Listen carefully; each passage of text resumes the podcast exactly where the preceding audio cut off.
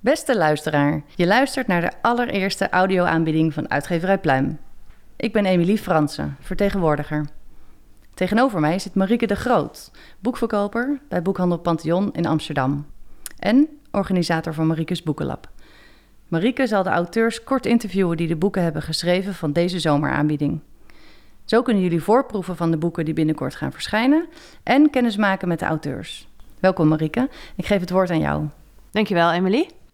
Ik praat met Leendert van der Valk. Uh, Leendert schreef eerder over muziek, maar volgt sinds 2014 de ontwikkelingen van Nederlandse start-ups in de journalistiek. En dan met name die van de correspondent. Nu schrijft hij een boek daarover met de focus op de correspondent in Amerika. Leendert, waarom dit boek? Welk idee zat erachter? Um, het begint er eigenlijk mee dat ik uh, in 2014 al begon met een onderzoeksproject. Uh, dat heette Nieuwe Journalistiek, waarin we eigenlijk naar verschillende Nederlandse media-startups keken. Dus daar uh, keken we bijvoorbeeld uh, naar de correspondentes, maar ook naar bijvoorbeeld Blendel en uh, Follow the Money. die kwamen allemaal rond die tijd, zo 2012, 13, 14, begonnen die allemaal. En ik volgde daarvoor de correspondent.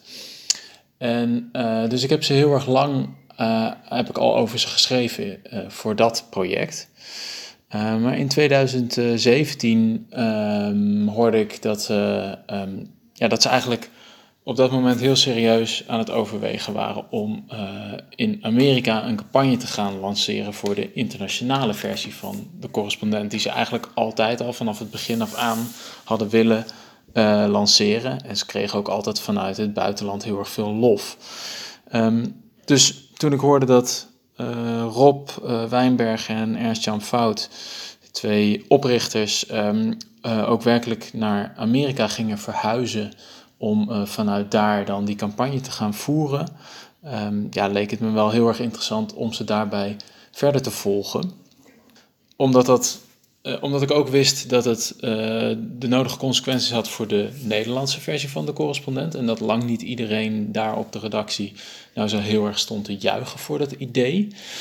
Um, en omdat het natuurlijk heel interessant is om te zien hoe die, um, die ideeën over nieuwe journalistiek uh, in Amerika uh, zouden vallen, waar de, um, de discussie rondom uh, ontwikkelingen in de media en in het nieuws ja, nog wat extremer is dan, dan in Nederland. En je, eigenlijk, je, kunt, je kunt Amerika een beetje zien als een soort voorbode of een soort extreme versie van uh, wat er in het Nederlandse medialandschap zich ook afspeelt. Um, dus dat kwam ook op een heel interessant moment. Trump uh, is daar natuurlijk president met een soort anti-vrije uh, pers geluid. Um, of in ieder geval anti-kritische pers. Um, en daarin zouden zij zich dan gaan mengen. Zou eigenlijk een, een, is dat een combinatie van enerzijds een soort jongensboek van uh, Nederlandse ondernemers die het willen proberen in uh, Amerika en eigenlijk zelfs de hele wereld. Want de Amerikaanse campagne zou voor de hele internationale site moeten zijn. En um, daarachter uh, een boek over, um, over de nieuwste ontwikkelingen rondom innovatie en journalistiek. En eigenlijk de vormgeving van het publieke debat wordt er nog wel op een zinnige manier gediscussieerd eigenlijk. Want heel veel ideeën van, uh, van de correspondent over hoe zij journalistiek willen bedrijven, um, ja, die komen voort uit uh, het idee van niemand vertrouwt meer de journalistiek. En um, uh, we komen niet meer nader tot elkaar in, in weergave van de feiten, maar het is alleen maar um, juist polariserend wat er gebeurt in de nieuwsmedia dat is de lezing, een beetje kort en misschien wat krom samengevat, uh, van, uh, van Rob Wijnberg uh, in ieder geval. Hoe kijk jij aan tegen de veranderingen in de journalistiek?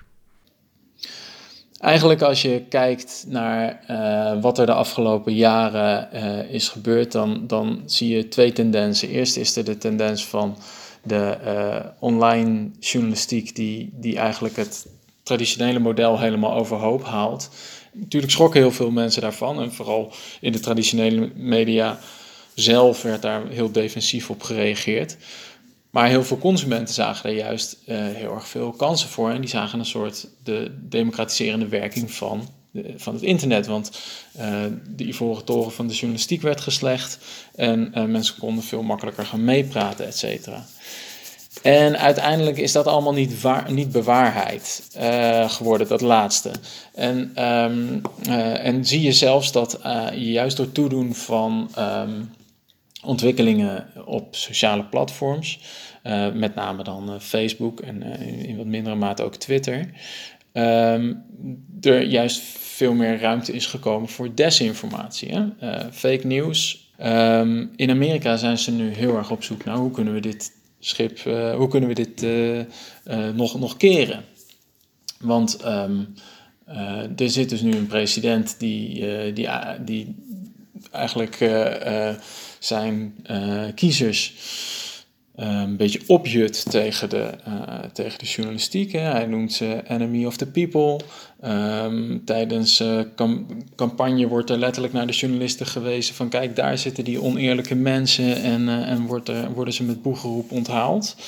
Terwijl dat um, uiteindelijk een essentieel onderdeel is van de democratie, dat er een goed functionerende journalistiek is.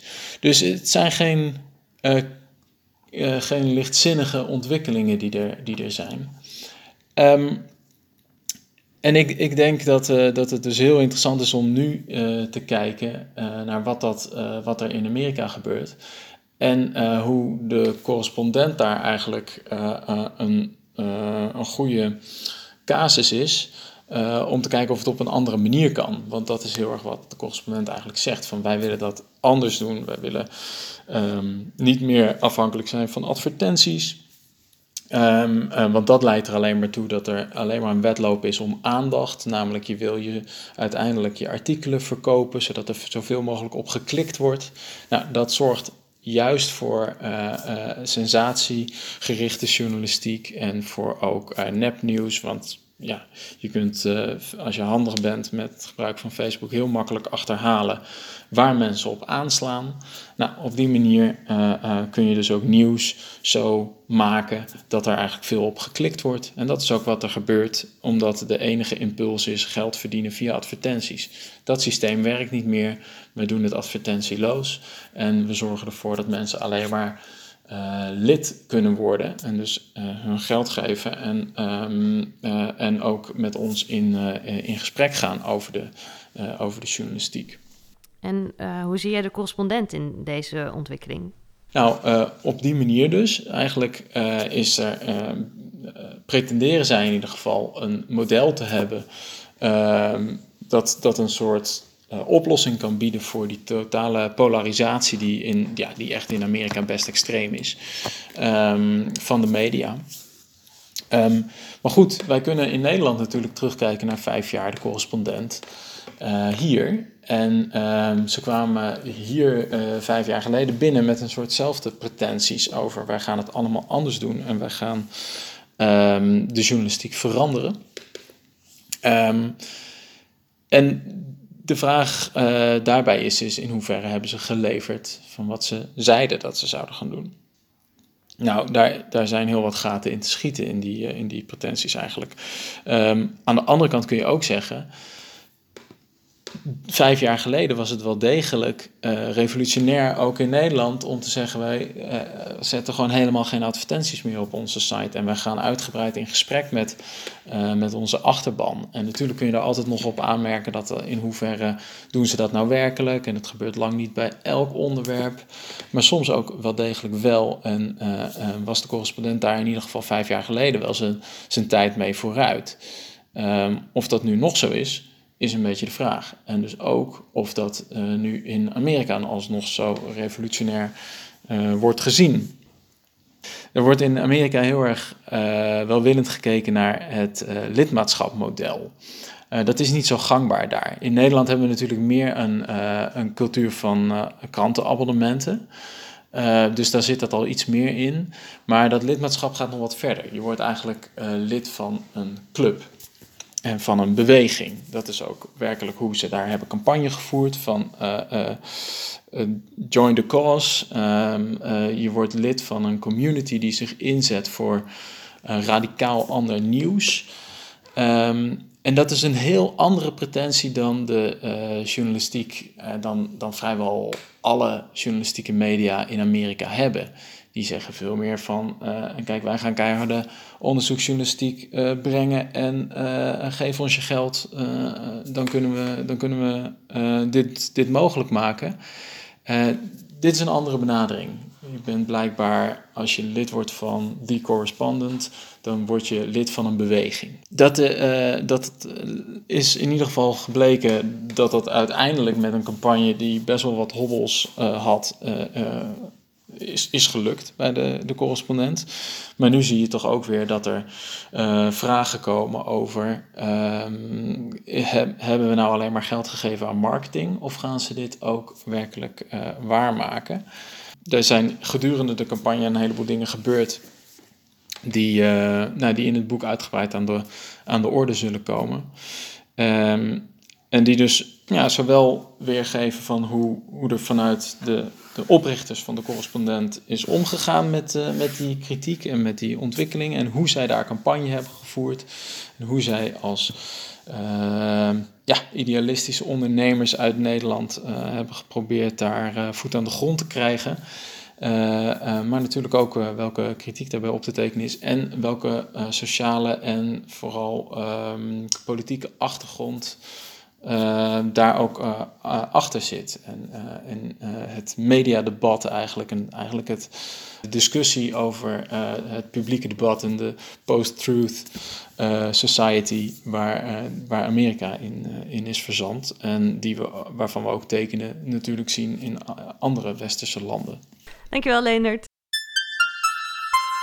Bedankt voor het luisteren. Ik hoop dat jullie zin hebben om die boeken te gaan lezen. En dat jullie de boeken in grote stapels in de winkels leggen. Met vragen over deze aanbieding kun je altijd terecht bij mij via emiliefransen.uitgeverijpluim.nl of bij onze vertegenwoordiger in België, Barbara Gene, bgene.uitgeverijpluim.nl. Tot de najaarsaanbieding.